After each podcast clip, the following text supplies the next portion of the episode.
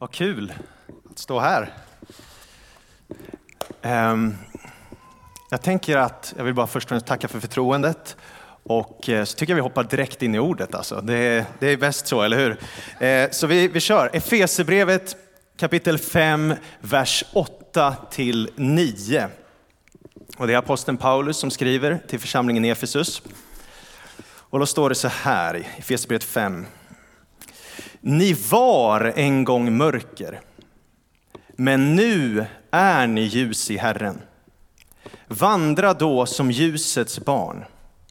För ljusets frukt består i allt vad godhet, rättfärdighet och sanning heter. Så jag skulle vilja prata med dig här idag om vad det innebär att vara ljusets barn. Om din identitet som ljus i Herren. För det är nämligen så att om du är här inne och du tror på Jesus, alltså du tror inte bara att han var en historisk person, du tror inte bara att han gick på jorden och gjorde goda gärningar, utan du tror att han är den han påstod sig vara. Att han var Guds son som levde på jorden, gjorde tecken och under och framförallt dog för dina synder på korset och uppstod på tredje dagen. När man tror på det, då händer något mirakulöst på ens insida. Man blir förvandlad. Bibeln säger att man blir en ny skapelse. Det talas i termer som att gå från död till liv eller från mörker till ljus. Och det är precis det här jag fick uppleva. När jag var 19 år gammal, då gick jag från mörker till ljus. Jag blev förvandlad, jag fick ett helt nytt liv när jag valde att verkligen sätta min tilltro till att det Jesus säger är sant. Och jag blev så överväldigad av hans kärlek och hans sanning och jag bara mötte honom.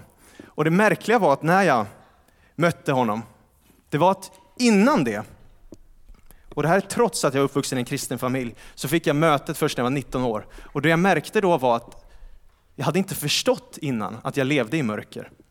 Utan det var först när jag fick ett personligt möte med Jesus som jag verkligen märkte, oj, jag verkligen bara upplevde, oj, jag har levt i mörker men nu har jag fått uppleva ljuset. Och jag fick uppleva det som det står i andra Korintierbrevet 4.6. Där det står att guden som sa, ljus ska lysa fram i mörkret, han har låtit ljus lysa upp våra hjärtan. För att kunskapen om Guds härlighet som strålar fram i Kristi ansikte ska sprida sitt sken. Alltså Gud har lyst upp mitt hjärta. Jag fick uppleva hur Gud lyste upp någonting som jag inte tidigare visste kunde bli upplyst. Jag fick uppleva det här, hur jag gick från mörker till ljus. Jag fick uppleva det, vi läste i Efesierbrevet, att ni var mörker men ni är nu ljus i Herren. Och jag älskar det bibelordet, för att det stannar inte där. Ni var mörker men ni är ljus i Herren. För sen säger Paulus någonting mer. Han säger, vandra då som ljusets barn. Och den här argumentationen är så briljant. Liksom. För lägg märke till vad han säger. Han säger, ni är ljus i Herren. Vandra då som ljusets barn. Med andra ord, du är någonting, lev nu ut det. Det är inte gör någonting för att bli det. Utan Gud gör dig till det, han förvandlar dig, han gör dig till ljus. Och nu ska du lära dig att leva i din nya identitet, att vandra i det du redan blivit. Och det är därför det står sen i, i, precis bredvid i versen bredvid att ljusets frukt består i allt vad godhet, rättfärdighet och sanning heter. Det är alltså en frukt. Det är, om du är trädet så bara ska du producera frukt. Det är ett naturligt utflöde av det du har blivit. Och det är det kristna livet handlar om, att verkligen förstå nu, vem har jag blivit i Kristus och bara leva ut det. Vilket är kanske motsatsen till mycket man kan höra från samhället och världen, att man måste göra massa saker för att bli någon. Men här blir du förvandlad och sen kan du leva ut det. Och jag tänkte prata om det här och vad innebär det att bli ljus? Vad innebär det att vara ett ljusets barn? Barn är ju någon som har karaktärsdrag av sina föräldrar ofta. Och vi ska spegla då ljusets karaktärsdrag. Så vad innebär det? Och eh, jag kan ju inte behandla allt vad det innebär. Och nästa vecka så kommer vår pastor Rickard predika om att vara ljus och salt i världen. Så då kommer han prata mer om att lysa med våra goda gärningar. Så jag kommer ta en lite annan vinkel här nu. Vi gör så, vi släcker ner i lokalen lite. Kan vi göra det? Även på scenen kanske, om det går. Ja, precis så. Nu är det lite mörkare här, eller hur? Och vad är mörker egentligen? Mörker är frånvaron av någonting, frånvaron av ljus. Mörker är inte någonting i sig självt. Utan mörker är frånvaron av någonting. Och därför är det en så bra bild att beskriva livet innan man mötte Gud. För då var det livet med frånvaron av Gud. Jag hade ett liv med frånvaron av sann tro, hopp och kärlek. Liksom. Och det mörker vi ser runt om i samhället med allt det här, det är ofta frånvaron av godhet och frånvaron av tro, hopp och kärlek. Och enda sättet att bli av med mörkret, det är att tända ljuset. Att kliva in i ljuset. Det är ljuset som tar bort mörkret. Men det är någonting med mörkret, eller hur? Att man blir inte sedd. Och man ser inte heller. Mörkret gör så att vi inte kan se någonting. Och mörkret gör så att vi inte heller blir sedda i sin tur. Så mörker och ljus, det har med seende att göra. Att se saker. Men det är ju så att i ljuset, då är du sedd. Så om man bara säger så här, var det ljus? Ska vi se vad som händer då? wow, första gången jag fick leka Gud där. Nej, jag skojar, jag skojar. Okej, okay, men så här, att, vara, att tro på Gud, det är att komma till ljuset, eller hur? Och att vandra i ljuset, jag skulle vilja argumentera för att vara ett ljusets barn, att vandra i ljuset, det är att leva med medvetenheten om att du är sedd. Att du är sedd.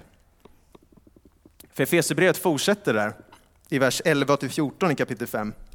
Och står det så här, ha inget att göra med mörkrets ofruktbara gärningar, utan avslöja dem istället. För vad sådana människor gör i hemlighet är skamligt till och med att nämna. Men allt kommer i dagen när det uppenbaras av ljuset. För allt som uppenbaras är ljus. Därför heter det, vakna upp du som sover, stå upp från de döda så ska Kristus lysa över dig. Alltså med andra ord, ljus uppenbarar. Ljus gör så att man kan se och att man inte kan dölja sig heller. I mörkret kan man dölja sig, gömma sig. Men i ljuset går det inte riktigt. Och när man, gör saker man, eh, när man gör saker som man inte vill ska bli upptäckta, då gör man det oftast i mörkret. Synd sker oftast i mörkret. De här, alla de här fruktansvärda sakerna som sker nu i Stockholm, sprängningar, kidnappningar, skjutningar, sker varje dag nu sedan slutet av december. Vilken tid på dygnet sker de? När det är mörkt ute. För att man inte vill bli sedd. Och det är nämligen så här, alltså när, jag, när jag förberedde den här predikan så, så började jag läsa lite studier och så kom jag in på en, eh, en Journal of Environmental Psychology. Och så hade de gjort lite experiment så här för att se om fysiskt ljus och fysiskt mörker faktiskt påverkar oss. Och slutsatsen de drog är att det påverkar vårt moraliska beteende. Och då fanns flera exempel, jag ska inte ge alla, men ett var att man, man gjorde något som inom psykologin kallas diktatorspelet. Där man ger en person all makt och man säger så här, man tar in flera personer i ett rum och säger man till en person, okej okay, du kommer få pengar nu här. Eh, och spelet går ut på att han har all makt, så han får välja om han vill ta alla pengar och gå och behålla dem för sig själv, eller om han vill ge vidare till andra. Det man märkte var då att när, ljuset var eller när, när rummet var extremt välupplyst, då var de, som den diktat, olika diktatorerna, mycket mer generösa. Men om ljuset var dimmat var de mindre generösa. Intressant, eller hur? Och man gjorde det här också med, i fråga om eh, testa om man ville anmäla sig som volontär till olika grejer, så de gjorde ett experiment där. Och i det här fallet var det då om, man ville frivilligt anmäla sig att koda fler liksom så här datablad, datasheets. Liksom.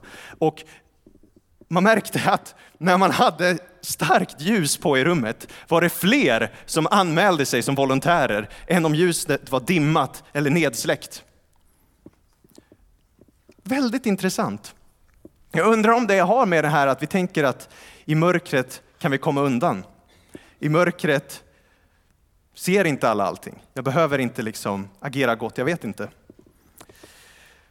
Och det finns ju en, så här, det finns en ganska läskig aspekt av att vara i ljuset också. För man blir ju väldigt sedd. Det går inte att dölja någonting. Man blir exponerad. Och jag vet inte, för mig är det så här att jag jobbar på skola och jag jobbar med många barn. Och när barnen gör någonting dumt, och jag tror du kan identifiera det här om du har barn, du har varit barn, du har sett hur man beter sig. Om man har gjort någonting dumt när man är barn, då vill man inte bli sedd. Man vill ogärna möta sin lärares blick. Man vill ogärna möta sin förälders blick. Man tycker inte om att bli sedd när man vet att man gjort någonting fel. Och det är ju precis samma sak när det kommer till vår relation med Gud. I början av Bibeln, då har vi de första människorna, de syndar, de gör fel vad är det första de gör? De springer och gömmer sig för Gud. De döljer sig för de vill inte bli sedda av Gud. Och naturligtvis går det inte att gömma sig för Gud. Han är allsmäktig, han är allvetande, han är allseende. Men ändå är det någonting med oss människor att vi vill gömma oss från Gud. Speciellt när man vet att man inte har rätt ställt med Gud, för man kanske är rädd för honom eller sådär. Och Johannes evangeliet talar om det här i Johannes 3, 19-21. Och där talar det först om hur Gud har sänt sin son till världen för att rädda den. Jesus sändes inte till världen för att döma världen, utan bara för att rädda den. Men sen talar det om att det här är domen då i vers 19. Detta är domen. Ljuset kom till världen och människorna älskade mörkret och inte ljuset eftersom deras gärningar var onda. Bara parentes där, att människorna älskade mörkret. Det ordet för älskade är grekiska agapeo, alltså samma ord som beskrivs för Guds kärlek för världen. Så mycket älskade de mörkret. Och var och en som gör det onda hatar ljuset och kommer inte till ljuset för att hans gärningar inte ska avslöjas. Men den som lyder sanningen kommer till ljuset för att det ska bli uppenbart att hans gärningar är gjorda i Gud. Om man gör det onda vill man inte kanske komma till ljuset. För man vill inte att ens gärningar ska öppna inför Gud. Eller så kan det vara att man älskar det man gör så mycket och man vill inte ändra hur man lever. Det kanske bara har med också att man har en inkorrekt gudsbild. För det är ju så här, Bibeln beskriver det som att man lever i mörker. Och vad händer i mörker? Vi ser inte klart. När vi släckte ner här, då ser man inte riktigt klart, man ser inte saker som det är. Tänk dig när du var barn, eller kanske till och med nu när du är vuxen, och eh, så sov du på ditt rum, så släcker föräldrarna lampan, så går de och lägger sig, så är det helt tyst och i mörkret där så ligger du i din säng och så tittar du runt i rummet och plötsligt börjar möblerna förvandlas till monster. Plötsligt börjar allting bli väldigt, väldigt mycket läskigare. Saker börjar se väldigt annorlunda ut än vad de faktiskt verkligen är. Och när man är i mörkret, då ser man inte riktigt saker klart. Och jag tror att det är samma sak när vi andligt sett är i mörker. Att vi målar upp Gud som ett monster som inte riktigt stämmer. Vi målar upp fantasier hur vi tror att han är, hur vi tänker. Kanske vi är rädda för honom, eller vi kanske tycker han är en idiot, eller vi kanske tycker att han bara längtar efter att peka ut mina fel och brister och därför vill jag inte komma till honom. Och som en bild av Gud som kanske inte stämmer. Och vad är då lösningen för att kunna se klart? Det är ju ljuset. Och Bibeln säger att ljuset är Jesus Kristus. Han är världens ljus. Och Jesus kom för att uppenbara Gud för oss, Gud Fadern för oss. Så om vi vill se vem Gud verkligen är, då ska vi titta på personen Jesus Kristus. När vi tittar på Jesus, då ser vi vem Gud är. Hur han agerade på jorden, det är hur Gud agerar. Han går runt och helar, upprättar, möter människor med nåd. Omfamnar dem, bryr sig om dem, dör för sina fiender, älskar dem som hatar honom. Det här är den gudsbilden som vi ser klart med. Och, men det kan ju vara så att om man har levt i mörker länge och ska komma till ljuset så kan det göra väldigt ont. Jag fick uppleva det här påtagligt i morse när jag låg och sov. Och sen så kommer min fru in i sovrummet och säger hon, nu ska jag tända. Och sen så plötsligt känns det som någon häller syra på mina ögon och jag bara ah! Och så har hon tänt lamporna då. Ja, men, exakt. men vad är, vad är poängen? Det är att det gör ont att komma till ljuset om man varit i mörkret länge. Och jag fick uppleva det här alltså i mitt eget liv också, verkligen. Ehm, när jag kom till Gud, jag ska prata mer om det eh, strax, men, men, men, att komma till Gud är fantastiskt. Men det kan också göra ont, för plötsligt börjar man se saker man inte tidigare sett. Man börjar se vilken stor syndare man är, hur många fel och brister man har. Så här. Och Bibeln talar om det, att då börjar Guds ord börja lysa upp ens liv, börja visa saker för en att man inte riktigt lever som man är tänkt att leva. Och så börjar man se bibelorden som säger att om du hatar din broder så är du en mördare. Och så bara, oj, är jag en mördare? Eller, och så börjar du se bibelord som om du, om du eh, hyser eh, sexuella fantasier om någon du inte är gift med, så når du inte upp till Guds nivå för ditt liv. Liksom, eller så här grejer. Så börjar man bara känna hur man börjar Ljuset börjar lysa på en och så inser man, oj, oj, oj, oj, oj, jag lever inte riktigt som Gud tänkt för mitt liv här. Och så börjar Guds ljus jobba med en så här. Och det här gäller alla, oavsett om man är den värsta av syndare eller om man är, säg en hygglig person i svenska mått mätt. Liksom. För att det är något när man möter Guds ljus så blir man exponerad och börjar se saker man inte tidigare såg. Det kan vara som att du har en, säg att du har en källare nere hos dig, becksvart, och du har inte varit där på jättelänge. Sen går du in där och du anar att det är något som inte riktigt stämmer där, men du vet inte vad. Så tänder du lampan och så plötsligt ser du att det är råttor och det är kackerlackor, det är insekter, allting bara, hoj, fanns allt det hemma hos mig liksom? Det, så kan det vara att möta Gud. Men kanske, då kanske man tänker, ja men det där är mer för de som är gängkriminella, som verkligen gör olagliga saker, gör verkligen eh, ja, fruktansvärda saker som sam hela samhället fördömer. Ja, men tänk den här bilden då. Tänk dig att du har städat ditt hem och du är väldigt nöjd med att du städat ditt hem. Du tycker, ja fantastiskt, wow vilket fint hem jag har här. Och så tycker du, ja men det ser bra ut, fönstren och allting. Och sen så bara plötsligt kommer solljuset och lyser på fönstren. Och plötsligt så ser du att, oj det var visst inte så rent som jag trodde. Det var visst mycket smutsigare och det fanns mycket mer damm och smuts och skit än jag innan anade. Liksom. Och så är det när Guds ljus börjar lysa på en. Och här, jag minns det här så väl liksom, när jag mötte Gud, hur, hur jag fick det här som kristna kallar syndanöd. Jag har inte gjort kriminella handlingar, men jag känner mig ändå som den värsta syndaren i världen. Jag, jag, jag började bli överbevisad, bara, oj, just det. Jag har förtalat alla de här människorna, snackat skit bakom en människas rygg. Liksom. Oj, oj, oj, oj, och all pornografi jag tittat på. Oj, oj, oj. Eller bara, oj, jag har inte gett Gud den värdighet han förtjänar. Saker som kanske för en som inte känner Gud tycker är väldigt små saker och inte ens värda att påpeka. Plötsligt i Guds ljus så kände jag mig som den största syndaren i världen.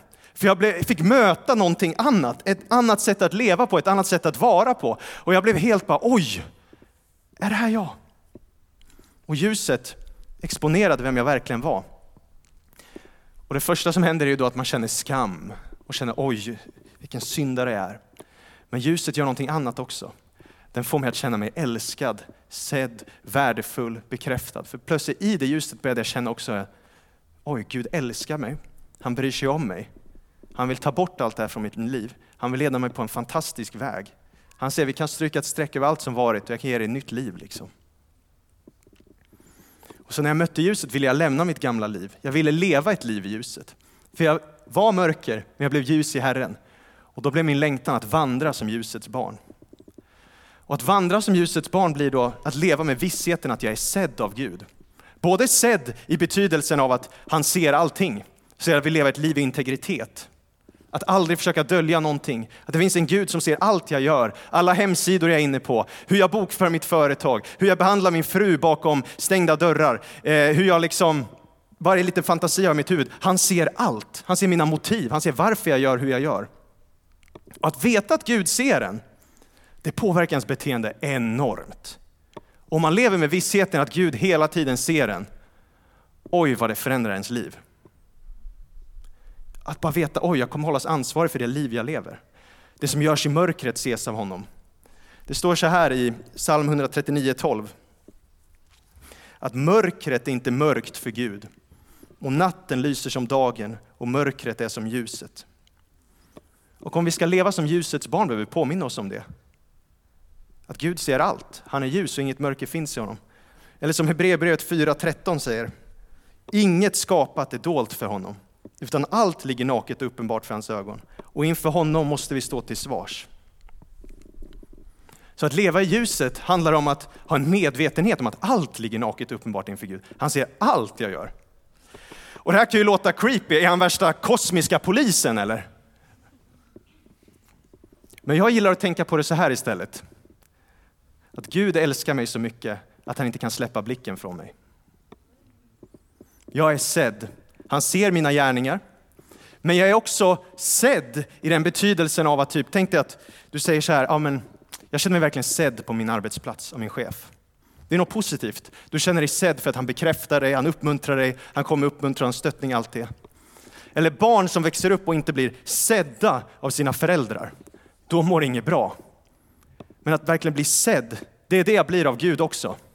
I Jesus Kristus blir jag verkligen sedd. Han ser alla mina behov, han ser min potential, han ser, han ser all min skit också. Men han dömer mig inte efter den. Utan han, han ser min potential, han kallar tro, han talar liv, han talar hopp. Han ser allting jag kan bli och han tror på mig. Och han är min största liksom, cheerleader, eller vad jag ska säga. Och det här är att leva som ljusets barn. Om vi som säger att vi är kristna ska leva som ljusets barn, då är det just det. Ja, men jag är medveten om att Gud ser allt, men han ser mig också. Han ser min situation, han förstår mig, han vill leda mig på en väg framåt. Jag tänkte vi ska läsa ett till bibelord, sista bibelordet här, om att leva i ljuset. Och det är första Johannesbrevet 1, 5-10. Första Johannesbrevet. Detta är det budskap som vi hört från honom och som vi förkunnar för er. Att Gud är ljus och att inget mörker finns i honom. Om vi säger att vi är i gemenskap med honom, vandrar vi i mörkret och vandrar i mörkret så ljuger vi och handlar inte efter sanningen. Men om vi vandrar i ljuset, liksom han är i ljuset, då har vi gemenskap med varandra. Och Jesu, hans sons blod, renar oss från all synd. Om vi säger att vi inte har synd bedrar vi oss själva och sanningen finns inte i oss. Om vi bekänner våra synder är han trofast och rättfärdig så att han förlåter oss våra synder och renar oss från all orättfärdighet. Om vi säger att vi inte syndat gör vi honom till en lögnare och hans ord är inte i oss. Så, så här, att leva i ljuset, det innebär att leva ett liv i integritet, att veta att Gud ser allt. Och jag tänker leva så, alla mina livsdagar. Liksom. Jag kan lura människor, men jag kan inte lura Gud. Men om det faktiskt är så att jag gör ett misstag, att jag syndar, att jag faller, att jag gör någonting snett, då står han inte där redo att fördöma mig. Utan då säger han bara, bekänn dina synder. Så är han trofast och rättfärdig. Han är trofast även när vi är trolösa och han renar oss från all synd. Och att bekännelse inför sig själv och inför Gud och inför människor, det är att verkligen positionera sig för att leva i ljuset. Det är att säga så här, okej, okay, jag kan ha gjort fel och allt det här. Men nu väljer jag att inte gömma mig undan Gud. Jag väljer att inte försöka tro att jag kan dölja saker, utan jag väljer att dra upp det helt och fullt i ljuset. Och när jag lever i ljuset, då kommer jag bli fri. För det finns någon bekännelsens kraft att bli fri från skam, fri från skuld, fri från allt som tynger en. För du blir uppriktigt förlåten. Han kommer inte definiera din framtid efter ditt förflutna då. Men hemligheten är att hela tiden vandra i ljuset, för det är då vi har gemenskap med honom. Det är då vi verkligen kan ha en relation med Gud. Där han talar till mig, jag talar till honom. Utan skam, utan att vi känner att någonting är mellan oss. Ni vet när man har relationer med vissa människor och så känner man att ah, det är något här i luften, liksom. det, det, vi har inte det riktigt rätt ställt mellan oss. Liksom. Det påverkar hela relationen. Men att då bara bekänna, att dra upp det i ljuset, då kommer man på rätt väg igen. Och jag har bara funderat på det. Tänk om vi skulle visa världen vad det innebär att vara ljusets barn.